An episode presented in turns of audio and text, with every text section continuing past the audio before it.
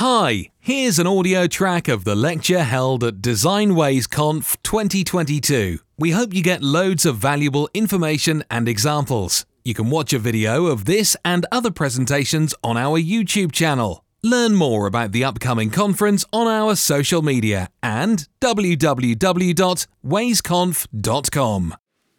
Hello. Hi. Dzień dobry. Um, okay, so first thing, uh, I really wasn't aware that this is sort of like a keynote presentation, so I apologize in advance. Um, and the second thing is, I'm really not good at titles. So it is called building relationship with your users. Uh, but the longer title that I first came up with was building relationships with your users, how uh, we managed to deliver user value through building trust. That, that wasn't a good title. Um, anyway, a little bit about myself, more things you already know. Now I work at Atlassian. I, uh, I'm a subject matter expert in product modeling at the University of uh, Humanities and Social Sciences in Sopot. And I used to work in Wikia, which is now called Fandom that doesn't matter that much. And today, um, I'm going to tell you about what we did in Atlassian when we built a customer feedback program and why we did that, the benefits of such program, and the challenges uh, that we faced uh, during building the initiative. But first, building relationships. So you may think, and that you will be right, uh, that building relationships with your customers is like pretty obvious, right? It's well, that of course you have to build good relationships with your customers, but we will uh, we tried to use that in user research, and why, right? You may think, okay, Atlassian, don't you have a user research team? Like, why would you have to do things like that? Well, we do have a research and insights team, and they give us a lot of good data, but we needed a different type of insights. And actually, in order to explain why we needed this different type of insights, it would be useful to tell you what was the problem space we were working at. And the problem space is called customer migration, or how we sometimes call it, transformation from server to cloud. And if that doesn't tell you much, it's okay. Um, it didn't tell me much either at the beginning when we started in 2020. And uh, frankly, it's a very changeable, chaotic space, um, a space where there's a lot of uncertainty and uh, a lot of flux. So we are moving in like a constant state of change. So you may think that, and you will be right again, that this is not the easiest space to research. But to actually give you more like context, what is this space about? Let me start with a metaphor. Okay, so imagine you're tasked with um, designing an experience for a customer that wants to move houses, and the current house that they have is a large country manor. Uh, it has been built for generations. It's filled with weird paraphernalia from other generations, and like there are many people living there. A lot of things in the basement, a lot of things in the attic. There's like a mess. Okay? It's nice, cozy, but a mess. And that user, that customer, wants to migrate to a shiny, new, luxurious villa. Okay, so it's not that difficult, right? So we wanted to design the full experience of this customer moving from A, the manor, the server, to B, the villa, the cloud. Um, and we had, we had a couple of data already, right? So that research and insights that I mentioned before, they gave us like the number of boxes that is needed to move from one house to the other. So some quantitative data. Um, the name of the moving company that was used a couple of times, uh, or some stories from other users, other people that moved houses in the past. And they moved those houses from small house to a small flat. So when we looked at the data that we had, it wasn't really comparable. So you may already sense that there was a lot of gaps that we needed to fill and some bigger story to build, and we were lacking data. We were lacking that different type of insights. So, hence, a thing that we now call customer feedback program was born. And I say it's called like this now because it went through like three name changes I said at the beginning, I'm not really good with titles. I'm not really good with names either. So, what a customer feedback program is, um, it's, well, I think it's best to describe by telling what are its um, benefits. But maybe let me first give you like a quick snippet. Um, it's a set of regular calls with chosen customers and uh, with different shape and form, not customers, different shape and form, the meetings. Uh, it's also mutually beneficial for, so beneficial for both sides, for us and the customer. And I think you'll get a bigger picture when I go through the benefits. So, the first benefit that a program like that brought us is um, the chance to have regular meetings with the same customer. Now, the researchers the, in the room may already feel like a red bulb coming because this, there is a high risk here that you need to look out for, like a risk of bias. Because you, if you talk over and over with the same set of customers, you will get really biased. You can get a tunnel vision. And that's the thing you need to look out for but on the other side, uh, the fact that you have the meetings with the same customer every month allows you to see the journey as they progress. So imagine they started in that manner, so on server, and we watch them packing, we watch them going through all the stuff they have in the basement, and using some of our fixes to move to the villa faster. So that's a high, that's a big benefit for us. Another plus is the ability to have a quick validation of assumptions. So when we started those two years ago, we had a lot of ideas and no way to validate whether they were good.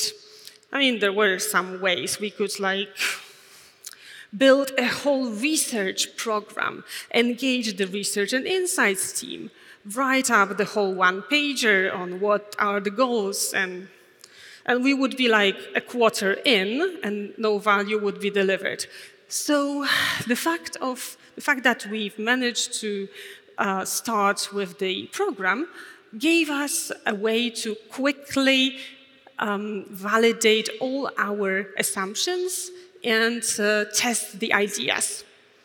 But um, there is also a risk here, and it's tied with jumping around topics and ideas. Now, imagine you have your head filled with all those good ideas that can help your customer, and you talk with one customer, the other one, and someone tells you, hey, that's a nice thing, I would like to use it. Actually, that happens to us. And then you run a risk of dropping everything else and jumping on that one idea and basically pivoting towards something that may help that one customer, but you're not sure whether it's going to help all the others. So it really helps in how to mitigate this, mitigate this risk is uh, prioritizing those ideas and looking, not uh, you know, jumping to, uh, to conclusions too fast. Another plus is uh, getting access to the right people. And actually, there's no risk here. Uh, this is like full, like 100% benefit, although it takes some time to actually get those people to come to your meetings. But uh, in the end, it's really worth it. So if you have, like us, uh, in migrations, a very complex end user, uh, a cohort that differs from customer to customer, but underlyingly, it has the, the same goal to go to the villa, to go to the cloud, um, then program like that can help you basically create a short list of the right people that you can talk to and the people that actually are going to use your solutions and like on enterprise grade. So it's not like the end user clicking somewhere, it's the end user that deals with high level uh, decisions. And another benefit is getting access to early beta testing pool. Now it's really connected to the previous one, getting access to the right people. Um, but on a, a bit more practical level. So when we were working on some solutions for the uh, migration, uh, we had a couple of features in early development phase.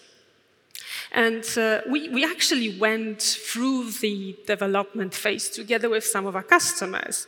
And they were really eager to try it out, try out those, those features. Uh, we weren't yet ready to release them. So the fact that we have a number of customers willing to test the features in their own context, in their own environment, was actually very, very useful to us, especially that our customers are actually different from environment to environment. So there are a lot of edge cases that we couldn't cover that they helped us cover but you sense there was going to be a risk. So here, um, remember, of course, uh, never to use this as the only way to test a feature. Like, you can't count on that. Uh, you need to test the feature in-house, of course. Um, and not only because, well, it doesn't scale, but also that your customers or your users, they have their own plans. So even if they tell you, yes, of course, I will test it, they will not. So we had one feature being developed, and we had about 10 customers signing up for the shortlist. Uh, and only three tested the feature in the end. Uh, and out of those three, only two tested the feature in time for us to actually apply feedback. So yeah, there's a serious risk there. Um, but looking from the other side on the benefits, when I mentioned that this program is something that should be mutually beneficial, for our customers, this was the chance to get insights straight from the horse's mouth, like straight from us. Um, look at the roadmaps, look at the plans. Uh, one of the customers, a large European bank, told us even that this helped them pre-plan their migration, basically, like push some things um, further, move some things uh, closer in the timeline, because they knew things are coming and they could actually test um, some solutions earlier. However, um, however, if the customer um, gets too involved in that, this, there's a serious risk uh, because they may feel they have the right to tell you what to develop next. Uh, and well, actually, they kind of do, but we can't actually promise them things. We can't tell them that we're going to drop everything and deliver this one feature just for you, um, because it's not like we're doing this for one customer. And some of them may have that, uh, that point of view, and this is a thing that you also need to look out for when uh, building, designing, and then running the program.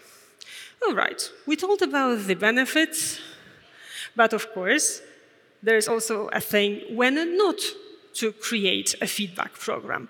When a thing like this is just not worth it, uh, or yeah, most of the time you're going to tell. Uh, okay, so don't invest your time and effort in building a thing like this if all of your projects or of your products have a totally different target user. So that goes for agency mode working, like I actually don't see it working in an agency when you have to jump from customer to customer, from target user to target user. Um, it just takes too much time to start, to kick off the whole thing. Um, don't invest your time if you already have an easy access to your target users. So if there's if your end users are coming to you on your on their own or you have already a trusted group of users there's no need to invest more time in building the whole program around it. When I was working in Wikia, we had a like very robust community of end users that were just eager to tell us everything. And that was sort of like a proto customer feedback program. We didn't ask them, they just told us everything. I, I loved them actually. And they were really, really blunt about telling us stuff. So in that time, there was no need in building the whole structure around it. Um, right. Another thing, if you're working in a stable, well-researched problem space. As you may remember, the migration, especially two years ago, that was like in constant state of change. So it was easier to um, validate each month an idea than basically run a whole uh, research program. So yeah, if you're working in a stable environment, lucky you. Uh, and also, you don't need to uh, invest your time. Uh, and the last and the most important one, if you cannot commit to regularity of meetings, because you're trying to build a relationship with customers. So if you can't commit to regularly meet with them every month or whichever cadence you want to set, then there's no, why bother, basically, don't do that. It's like, this is going to be even worse than a long distance relationship kind of thing. All right, but let's, uh, let's assume you uh, actually have one or very closely together set target users. Uh, you don't have an easy access to them. You don't work in a stable problem space, and uh, you can commit to regular meetings. So then, how can you kick off a program like that? So I think the best way to tell you is going to, uh, we'll be going through the challenges that we faced when, uh, when starting and how we managed, sometimes not really yet manage, to tackle them. All right, the first one, the attendees, or getting the right people and maintaining the, the bond. The attendees are going to be the most important part of the program, of course. And, uh, well, today we have, in our program, we have around 10 enterprise customers and six solution partners. Solution partners are companies that help our customers. So they're kind of like a proxy Atlassian kind of. Um, but we didn't start like that. We started small. We started from two customers. Um, and uh, for us, actually, that wasn't very difficult to find because we have a whole network of connections. Uh, so you may think now, yeah, Atlassian, it was easy for you. You have everything on speed dial. Yes and no, but uh, um, for and like if you don't have your customer on speed dial, um, I think it's also beneficial to look at communities that of users of your product. Um, build a group of people who would like to give feedback. Um, something similar to what we had in fandom wikia days, but more structured maybe. Uh, it's important to start from a goal. So I think you want to achieve the feedback, the type of feedback you want to uh, get, and shortlist the possible attendees.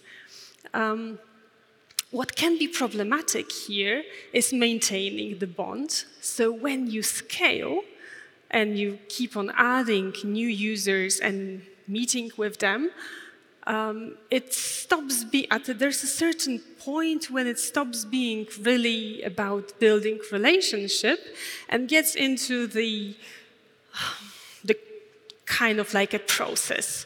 So it gets a bit more impersonal. And that is the thing that you need to watch out for. The moment when you're just going through the checklist and just meeting with a customer because this is on your to-do list and not meeting with a customer because it's, there's something you want to learn or you want to show to the customer. Um, there's also another thing that's important with the attendees, and that's when uh, don't be afraid to drop people from the program. Uh, I know we stayed with a couple of attendees a bit too long. So there was one customer, uh, like a, another big European bank that looked really good on paper, and they were very eager to take part in the, in the program. But, uh, well, they did show up at the meetings, but they actually, there was no value in them. We presented a topic, we asked questions, we showed some demos, and the only reaction was like, yeah, yeah, okay. Yeah. So, yeah, we, we actually should have cut that like, let's say in January, we cut that in April, there were a couple of lull months. Uh, good advice, to basically cut them off uh, with, but nicely, right? It's not like you're out. It's more like, it looks like we're not getting value from those meetings. Perhaps we could change the schedule. Um, oh, and if you're wondering why I'm not telling you the names of the customers, I'm really sorry, but there's a lot of NDAs. Uh, so, can't. Another challenge, the plan. So making sure when you start off, you have material for at least three months ahead. This is the thing we didn't have. This is the thing we didn't plan out. Uh, and we were so eager to just get going. We had those two or three customers lined up. And we had a couple of things in development. So yeah, what can go wrong? well, uh, we ran out of topics. Uh, we ran out of topics uh, on the second month, and there was like a big all, all in, all hands on deck kind of situation where we were going through all the um, plans that were like plan E or plan F, kind of. We're not showing that to anyone uh, to basically fill in the void. Uh, so good way here is good, good advice is to don't kick off as early as possible. Kick off when you're really, really prepared. Um, another challenge, the topics. It's kind of connected with the plan. And the topics, this is important to keep things interesting and relevant to the customer. As the plan, as the uh, program grows, there will be, um, there will be some risk of topics that are repeatable uh, things that some other teams will want to um, ask the customer about that you've already asked them about two months ago. So, what's important here and what worked for us is to keep a matrix of sorts of a customer versus a topic, how good is the customer alignment with a topic, will there, will there be interested in it, and going with the whole thing of mixing and matching. And if it sounds like a really tedious work, it is, but it's really useful. Um, some of these stories from like war stories that, that happened to us during uh, the topics challenges is uh, we had one um, one attendee actually it wasn't just one i think it was four meetings uh, that came to the meeting and didn't know anything about the topic. So uh, we had the, the topic pre, um, like we, we, had an agenda. The agenda was known to the customer uh, a week or two weeks ahead, and we were under an assumption that they're interested in that was user migration. But th- when the customer came to the meeting, they were like, "Oh, I'm sorry, but." Uh, I'm actually from a different department. We're not dealing with user migration. Um, and you know, you have like 45 minutes ahead of you of a meeting that. So there are two ways to deal with that. The first one is, I'm really sorry. We are not, we don't want to uh, waste more of your time. Uh, we, we're going to meet in the month with uh, a different topic, or maybe the same, and just bring, please bring someone that is from your company that is interested. Uh, and the other one, the one that I actually would recommend, is to have a plan B or plan C even, like uh, a neutral topic that is always waiting somewhere, as like most most probable on your hard drive or in, in, in the cloud, uh, that you can just pull out and present. And sometimes it's a demo of a feature, sometimes it's the roadmap plans, sometimes it's just an idea or an impromptu workshop that we run with those customers also. And that helps them, or us actually, not to waste this time and, and use it up. Um, another thing, the last one, I promise, is the scale. So there are a lot of challenges with scaling the program. As I mentioned at the beginning, uh, when you start small with a small number of attendees and you start to ramp up the plan, the topics, there will be a moment when you would like to have more. More types of the same cohort of customers, a little diversity with a different type of customers, different sizes. Uh, and there, there is a risk there because you need to remember to expand responsibly. Uh, if you're the person running the program, you may get overwhelmed with scheduling, time zones, um, keeping up the matrix, uh, keeping up all the teams involved uh, informed what's going on. What's important here is, well, know when to scale, when you've got the capacity to take this on, and also ask for help. Like for us, this was um, for me especially, uh, this was a moment when I really appreciated a help from the help from a colleague from uh, US, so he could cover different time zones, and uh, help from a program manager. Program manager is a person in Atlassian that deals with all organizational stuff. They're kind of like Scrum Masters and uh, Google Calendar combined. Uh, I hope our, our program manager, Victoria, doesn't hear this. As I compared her to the calendar. Uh, anyway, uh, basically, with scale, with challenges with scale, when you're at this stage, get help get another people uh, working together with you on the program. Um, you may think like, okay, if you've got 10 customers and six uh, solution partners, there are 16 altogether, it's not much. It's 16 hours a month. You have to prepare for each of those. You have to debrief after them. It grows, and then you probably also need to work, probably. So, yeah, please remember about responsibility here. All right, I promise that was the last thing. So, some key takeaways. First, having a group of users available at hand helps in validating assumptions quickly and often. I can't stress this enough. Uh, it's sort of like either ramp up the whole research program or have those have that group waiting in the wings and just throw ideas at them. Um, another thing, building relationship and trust with customers helps in gathering additional context and data.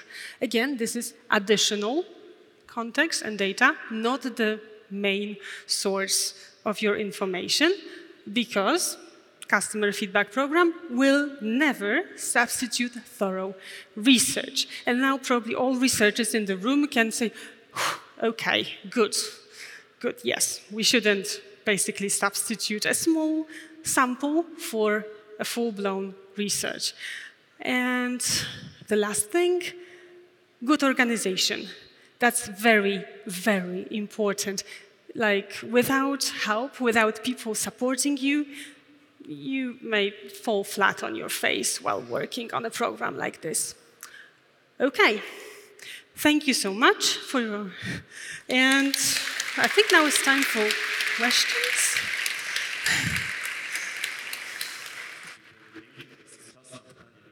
Thank you so much. It's time for questions. I'm not going to enter the audience. I'm looking for people who want to ask questions. You can ask them in Polish and English. There's one, even more people. Great.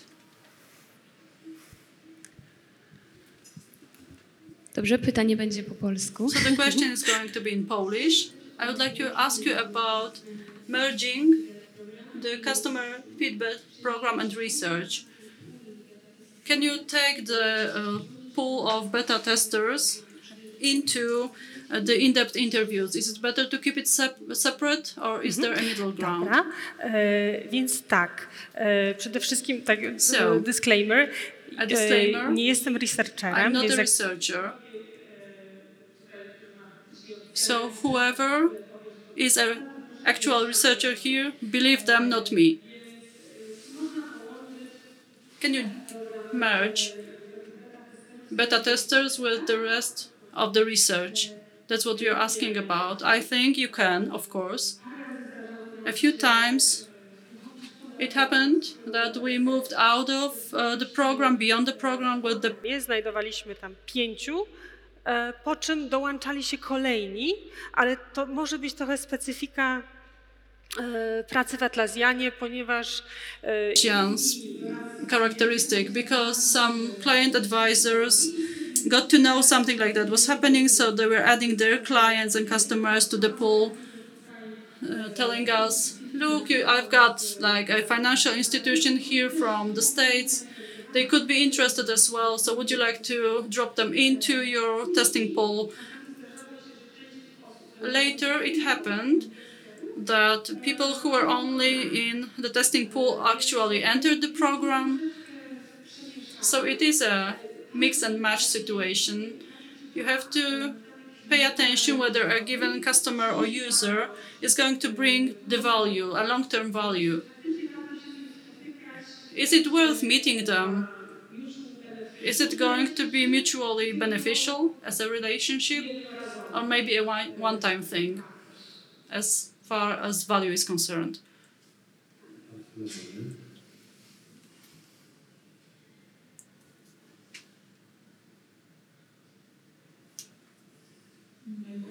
in English. Um, what is a good way to kick off a series of those meetings if the company hasn't practiced it yet? Good question.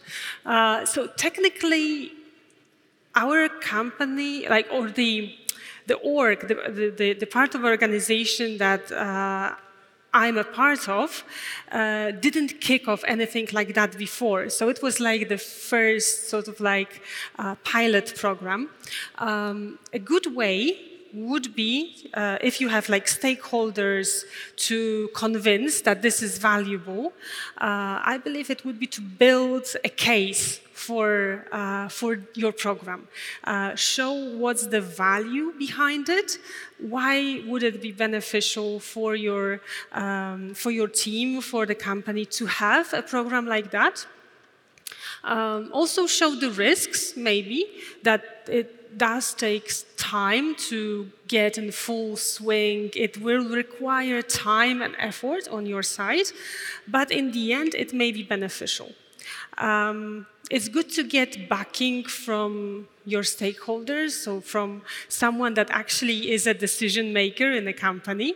Uh, but, and it's, a, it's kind of like a maybe a weird advice sound, but you may try to run a very small program as a pilot uh, to show to the stakeholders the value. So let's say choose one customer to have meetings like that for uh, a month, for more than a month, two or three, and after those three months, bring the results to, uh, to your stakeholders to show, okay, you know, we, we had those meetings with uh, customer XYZ, these are the things we learned that we didn't know about before. And we, didn't, we weren't even aware that things like that were a problem. And now we are, so maybe it's worth to expand it. So that may be useful, I think, to kick off. Yeah. Uh, cześć. Mm-hmm. Thank you for your presentation. It was really great my question is what in effect what was the effect after you executed this program what problem have you actually solved i'm very curious to hear about it so there were many problems actually but one being big goal we had in the beginning was to understand what actually is the pain of our biggest uh, clients and customers during transformation, so migration. We were lacking uh, the first hand info about it. We only had the dry data, some stories from the past. Our main goal was to facilitate transformation into cloud for clients larger than a thousand users. Within this program, we managed to validate a few of the solutions that helped our clients. One of the most important ones was what we call application tunnels, which enables combining and connection between the server environment and the cloud environment without um, setting up firewall because it blocked the clients a lot. And we had no idea about it before we started talking to them. They were just saying oh we don't like the idea of the cloud. Other features was uh, user management in the cloud that we learned about during the program that the smaller ones uh, migrate and uh, manage their users with no problems, but the larger companies have such complex environments and Active Directory is so combined, identity management so combined, that transferring from one environment to the other is really problematic to them. So we are um, in the process of solving this problem. It's a very complex problem in general, but there are some successes already in this area. So there is a checklist of that. We can talk about it later during the break. Thank you so much.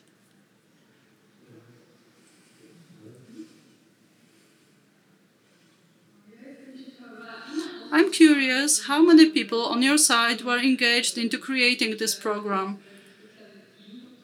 Did you uh, make up a special team for that task? A team would be a great solution, but we haven't got there yet. From the beginning, there were two people engaged one product manager and I. At the moment, in the core team, we've got four people there. Beside me, there is product manager who changed in the meantime. There's a program manager helping us to schedule the things up, and another designer who is covering another time zone that what I'm working with. There's also the support from all the teams in the organization, migration organization. Because as we are expanding, we were inviting other teams to collaborate with us a little bit uh, in kind of luring them in, showing them uh, that we have certain clients, so maybe there's something you would like to show us. If you can remember the challenges the area of topics here was a problematic one at the beginning because we couldn't within the challenging of the plan we couldn't fill in the agenda with our work uh, by our work uh, by itself so we managed to include other migration teams and they fill the agenda in for the next three months efficiently putting it shortly core team, four people plus whoever is willing to help. Let me also remind you you can use Slido to use uh, to, to ask questions. From Slido, I would like you to ask a question. Business objectives and user needs? Very good question, and I don't think there's a really good answer to that. And there is like one answer that says it depends. Uh, no, um, actually, uh, we try, like I personally, go for the user needs uh, when uh, after the program prioritizing uh, the features that need to be developed. Uh, but in Atlassian, we have uh, a thing that we call the triad that governs a team and then like an org and there are like triads on those of you who think about now the Chinese mafia, no, there's a different kind of triad. So the triad is uh, product manager, designer, and tech lead. Uh, and all together, we uh, decide what's the best course for the product, uh, the team, and the feature. And this helps us uh, find the balance. So there are, you know, heated discussions, of course, uh, but in the end, uh, we try to align with the goals that we have set on higher levels, so like company level uh, objectives, and see if the, um, the feature that we want to develop aligns with it, and how can we deliver more value, most, uh, the, the biggest amount of user value that we can with that feature. That's actually designer's goal in that equation.